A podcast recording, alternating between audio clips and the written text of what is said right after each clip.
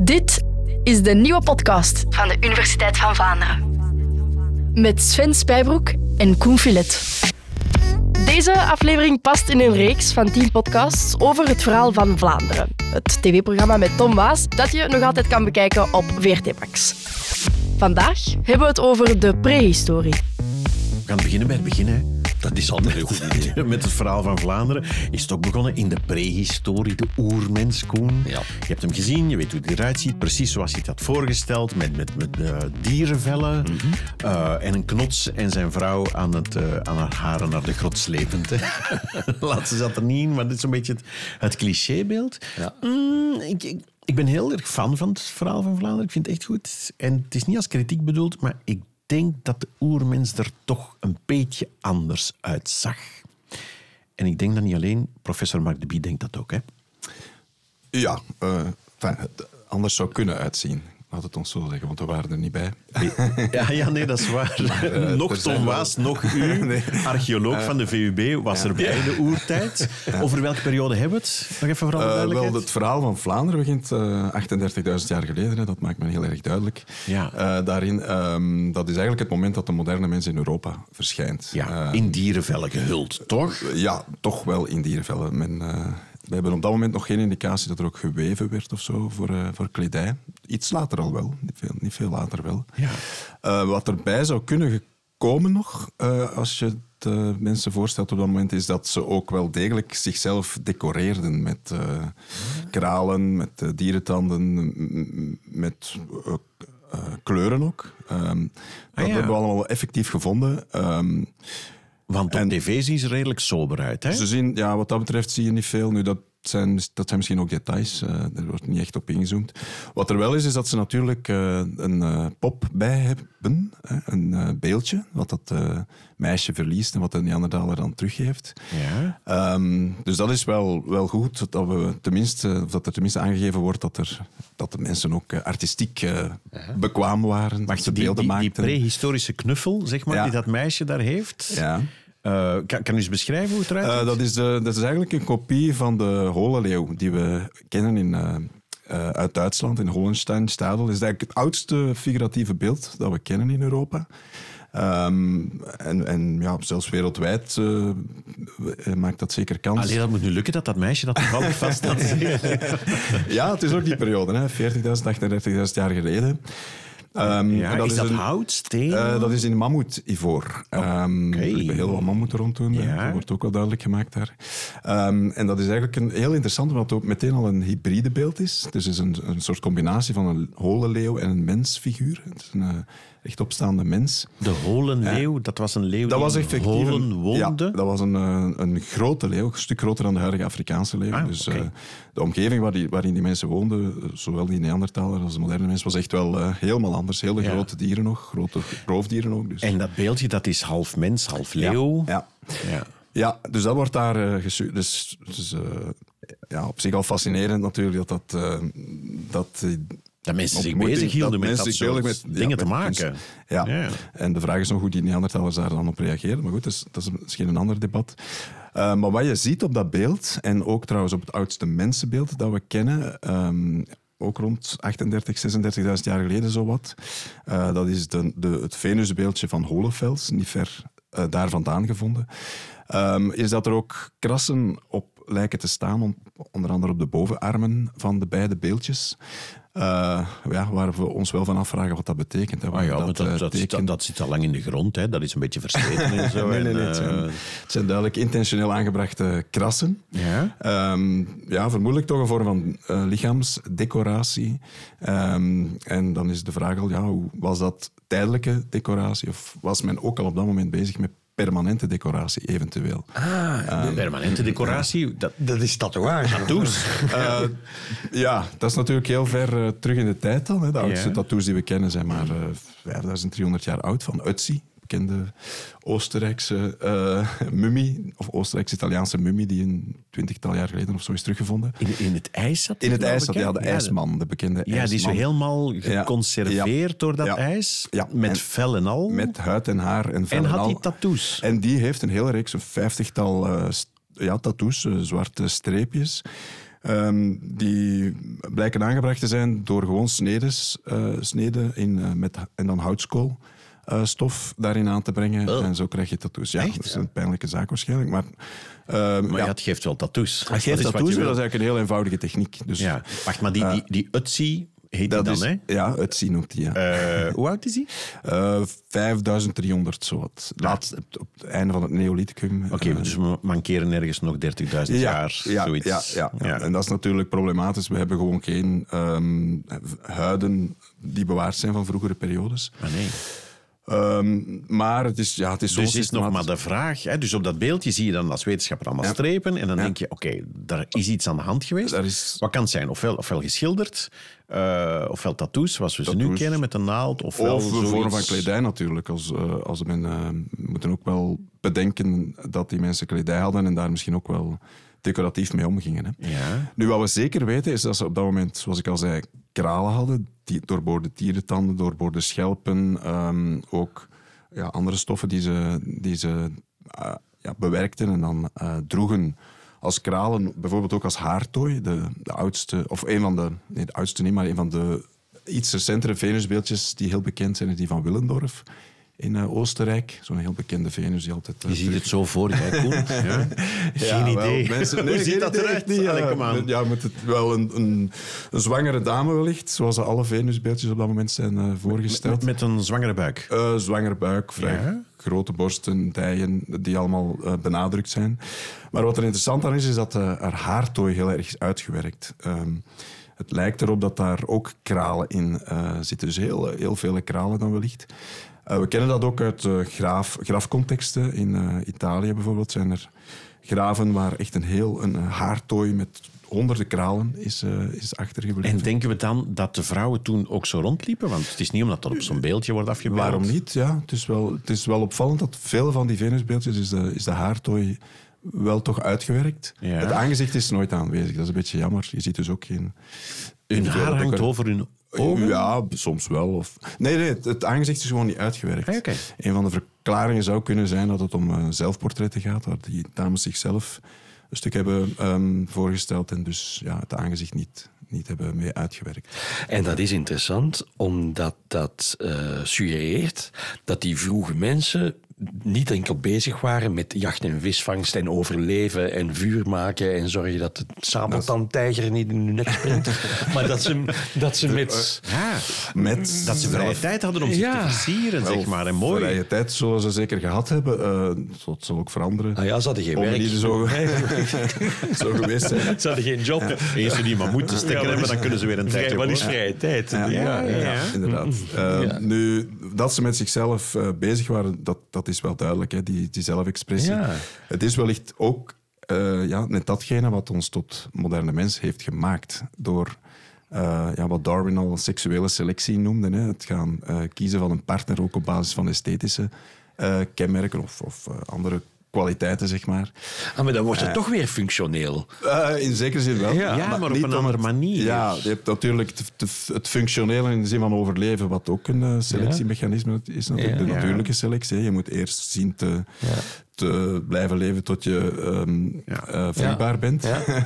maar dan moet je Ja. natuurlijk ook nog een partner vinden om die vruchtbaarheid eh, te, te realiseren. En Darwin geeft dan, denk ik, of, of, of na Ja. hem, als voorbeeld de pauw. Hè? Die Ja, heeft een veel te een- grote, veel te vrolijke, kleurige staart. Je bent super zichtbaar Ja. als prooi, maar het helpt om vrouwen te versieren. Voilà, in de geval. dierenwereld kennen we daar vele voorbeelden van. Eh, niet alleen door, door de het lichaamsveranderingen eh, die daar dan eh, soms exuberant worden. Eh, ook gedrag, ook het zingen en het dansen van dieren hè, kan je daaronder eh, brengen.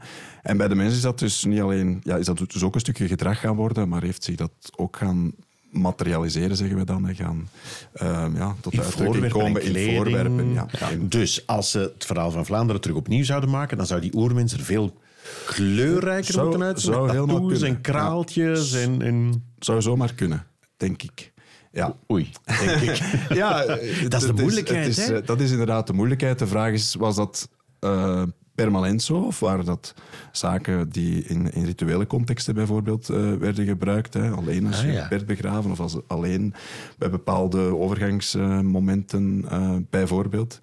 Ehm, dat kennen we natuurlijk uit heel veel eh, jagers-verzamelaars die nog in de 19e en 20e eeuw ja, Ja, dat is altijd geweest. moeilijk, hè? want ik vind dat u zich een, een moeilijk specialisme heeft toegeëigend. namelijk, ja, hoe, hoe versierde de, de oermens zichzelf? Ja, dat weten we niet, want we hebben niks gevonden. Die, die, die, die schelpert vond ik wel interessant. Die vind je wel Ja, ja, ja, we met wel gaatjes in waarvan je denkt, Ja. dat, dat is geen toeval, dat is geen barstje. Nee, nee, nee. Dat, zo begint het. Hè. We kennen ook al bij Neandertalers geperforeerde schelpen die, Ja. die dan op natuurlijke wijze... Oké, eh, zijn er ook tatoeëernaalden gevonden? Eh, die zijn er gevonden, maar niet van die ouderdom. Ehm, mij het weten als de grap, eerlijk Nee, nee, nee. Het is echt, Dat is echt eh, gevonden? Dat is in, in Utah, in eh, Amerika, heb je daar voorbeelden van. Eh, ehm, cactusnaalden eigenlijk, waar nog de inkt eh, aan zit.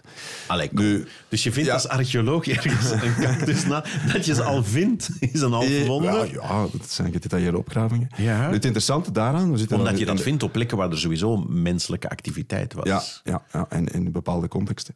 Nu, wat daar interessant wel aan is, is dat we zitten daar in Amerika. Dus dat wil zeggen dat ja, ofwel het daar onafhankelijk ontstaan is, maar de kans is reëler, denk ik, dat het gewoon is meegekomen met eh, mensen die daar zeg maar 15.000 jaar geleden vanuit Siberië naar Amerika zijn gewandeld. Dus oorspronkelijke bewoners... was. Ja, Nog, oorspronkelijke ja. bewoners van Amerika zijn er uiteraard ooit geraakt vanuit, eh, vanuit Siberië. Ehm, dus de kans lijkt mij reëel dat die praktijk eh, toen al heeft bestaan en is meegebracht. Is de mens vanuit Afrika via Siberië ja, uiteraard. naar Amerika gewandeld? Ja. Ja. Ja, niet, ja Oké. op enkele duizenden jaren het heeft even tijd, hè. geduurd. Ja, ja, ja, ja, ja, ja. Je doet dat niet Ah, ja, op een keer. anders had je daar nooit mensen. En, nee, nee, nee, En nee. de, Columbus, en die de wereldkaart zag er toen ook nog enigszins anders uit. Ja, je hebt dan eh, ijstijden en, en dus en heel lage landbruggen en- spiegels ja, ja, ja. en, en een heel andere geografie. Hè, ja. Ja. Maar dus, u, u zegt dat gedrag is meege- meegemigreerd, maar je zou even goed kunnen zeggen, die cultuur, je zou dat, het woord cultuur... Gedrag is cultuur. Ja, hè. voilà. Is vaak, tenzij het echt overlevingsinstinctief gedrag is, maar het gedrag van de mensen is bijna allemaal cultureel gedrag en artistiek gedrag. Dat wordt doorgegeven van generatie op generatie. Eh, en zoals ik al zei, dat begint zich dus te manifesteren ook in producten. Hè.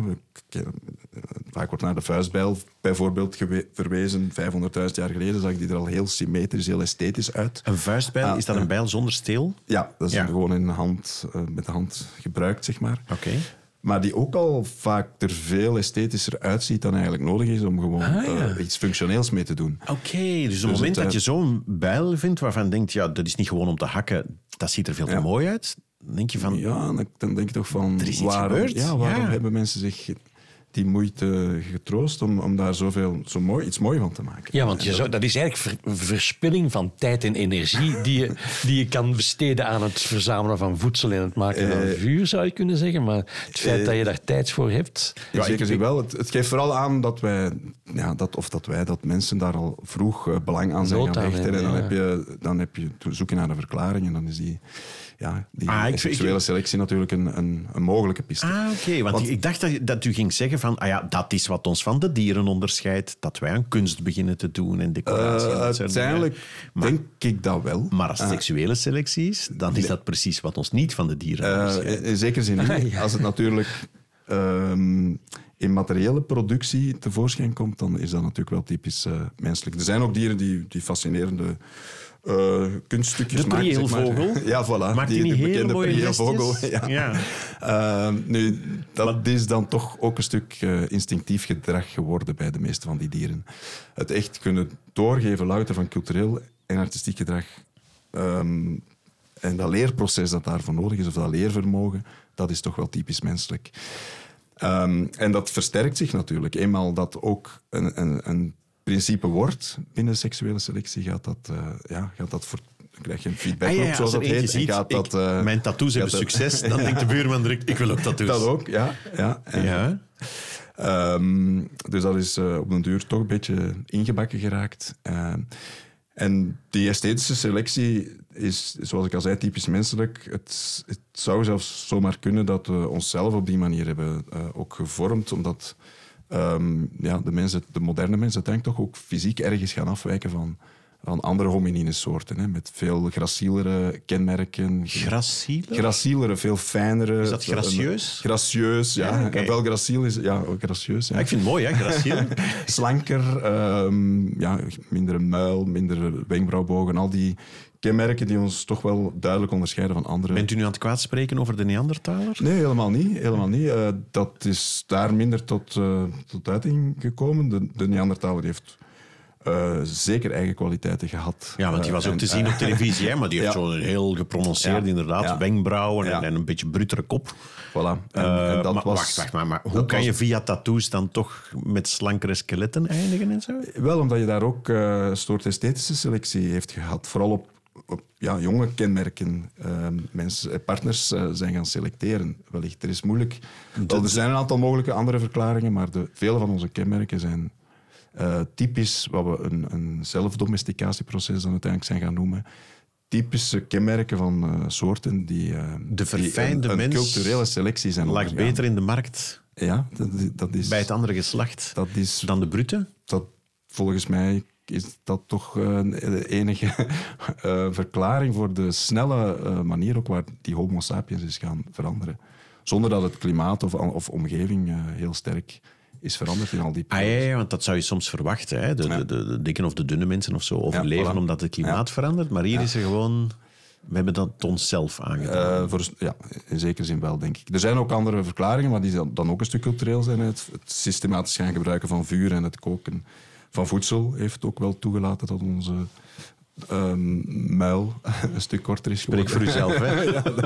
Eh, ik weet er niet meteen een ander woord voor. Ehm, maar, en, maar dat is op zich ook weer cultureel gedrag, hè, het gaan gebruiken van vuur. Dus. Ehm, zeg, die, die, die dierenvellen, was er ook een lente- en een wintermode?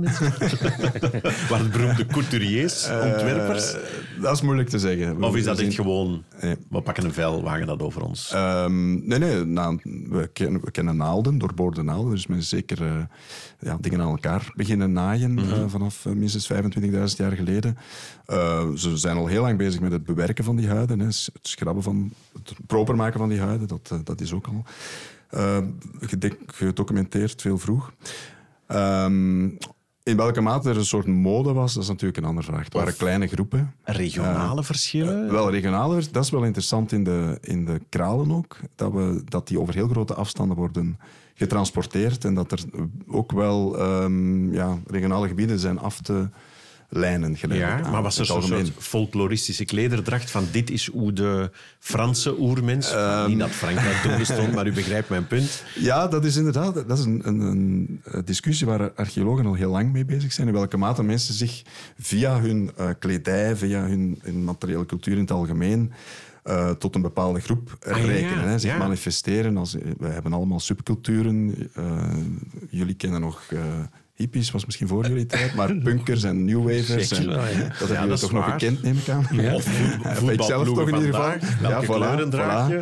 En dat is, een, dat, is, dat is iets wat dus bij de moderne mens duidelijk aanwezig is. En ja, de vraag is wanneer dat tot stand is gekomen. Dat je Ja, uiterlijk dus gebruikt wordt Je om maakt lid te maken via van een groep. je uiterlijk maak je, Ja. ja. Ja, dat is één, dat, Maar er zit meer aan ons begrip eh mode en, en, en lichaamsversieringen. Je bewijst niet alleen dat je tot een groep behoort, maar je bewijst ook dat je een individu bent binnen de groep en dat je afwijkt van die Ja, zie mij Ja. uniek. Ja, ja, ja. ja. dat, is, dat is inderdaad het hele interessante eraan. Hè, dat we zowel die behoefte hebben om tot een groep te behoren, maar ook, en dat is heel typisch voor de moderne mens, dat hij zichzelf is gaan kunnen losdenken van zijn omgeving. Ja. Dat hij tot een zelfbesef, een sterk zelfbesef is gekomen. Dat wordt dus helemaal moeilijk om te onderzoeken. Ah, ja, ook een nood aan Met tattoos kan je dat bijvoorbeeld doen. Zeker. Kijk, ik ben anders dan mijn buurman. De tattoos doen, doen vaak ook die twee. Hè. Je, hebt, ja, je manifesteert jezelf als een individu daarmee. En tegelijk vaak ga je daar net dan Ja. je partner of, of de groep waartoe je behoort. misschien je- zelfs de ben kleur je van deel de, van de je groep van mensen met tattoos. Voilà, je manifesteert je ook als deel van een groep. En dat is wat ons echt typisch menselijk maakt. Die dubbele behoefte om jezelf te manifesteren, te, ja, als een identiteit te beschouwen. En tegelijk natuurlijk die ongelooflijke sociale nood. We, we kunnen nooit mens worden zonder in een groep eh, op te groeien. Hè. En, eh, dus die twee, die twee, dat is een spanningsveld waar we voortdurend mee bezig zijn. En dat komt heel mooi samen in die, in die tattoos vaak. Ja. Ja. Ik, vind dat, ik vind dat knap gedaan van mijn voorvader. Dat is toch de moeilijkheid van dit vakgebied, hè? Van, van, ja, Van- van dat- zei het van er die we waren Ja. er niet, hè? Er was niemand bij, we weten het niet. Wel, het is een combinatie van toch wel data, hè, al die kralen, al die kleurstoffen, uh, dat hebben we wel. Ik heb ook uh, zelf heel intensief uh, sites onderzocht waar we de activiteiten heel gedetailleerd in kaart hebben gebracht en dan bijvoorbeeld zien dat mensen die op jacht vertrekken apart zijn gaan zitten, daar ook die kleurstoffen, die, die, die oker, die rode oker bijvoorbeeld bij zich hebben om mogelijk zichzelf ook te gaan beschilderen wanneer ze op jacht gaan. Dus het ah, vergt soms heel veel uh, inspanning om wat data bijeen te krijgen. je vindt dan ergens een dorp van jagers en dan vind je een paar tientallen, honderd meter verder, ergens een plekje waar plots heel veel kleurstof te vinden is in de grond? Ja, of, of toch een stuk, maar waar vooral mensen apart zijn gaan zitten bij het voorbereiden van de jacht. Dat heeft mij toen gefascineerd. hoe, hoe, weet u dat dan? Wel, we kunnen heel gedetailleerd uh, in onze uh, discipline in kaart brengen wat mensen hebben gedaan. Omdat alles geregistreerd is gebleven op de, de, vuursteen, de silex die ze hebben gebruikt om allerlei activiteiten uit te voeren. Door microscopisch onderzoek weten we wanneer, waar ze huiden hebben bewerkt, waar ze benen hebben bewerkt. Echt? En waar ze ook pijlen hebben um, achtergelaten die gebruikt zijn geweest. Dat, dat gebeurt allemaal rond de grote vuren en Die komen terug naar diezelfde plek dan? Ja, na de jacht komen ze terug, gaan ze hun, kapotte pijlen, pijlen laten slingeren en u vindt die dan ja, 35.000 jaar later? de restjes terug. Um, en op andere plekken hebben ze pijlen zitten maken en dat kunnen we ook heel mooi zien aan de afvalrestjes, de mhm. productjes die daarachter blijven uh, als gevolg daarvan. Uh, en dat is, dat, daar zaten ze helemaal apart voor. Dat is de enige activiteit waar ze zich zijn apart voor gaan zitten. En dat sluit eigenlijk wel aan bij ja, praktijken die we ook, shamanistische praktijken bijvoorbeeld, die we kennen uh, uit, uh, uit jager-verzamelaarscontext. En als, als we gaan ingrijpen in de, in, bij de dieren, gaan, de dieren gaan doden, dan heb je toch een soort taboe. Um, en heb je daar ja, meestal rituelen rond. En, en concentratiemomenten, zeg maar. Ja. En ook ja, het zichzelf gaan beschilderend. Vaak hoort dat, hoort dat, dat, dat er dan bij. Ja. Ah, het staat al op 14 max zeker, die aflevering. Je kunt dat er achteraf zo wat tattoos bij. Dat kan veel, dat kan veel dat wel. Postproductie. Als Tom Waas zit te luisteren en weet wat hij moet doen. Professor Magdewie, dank u wel. Alsjeblieft.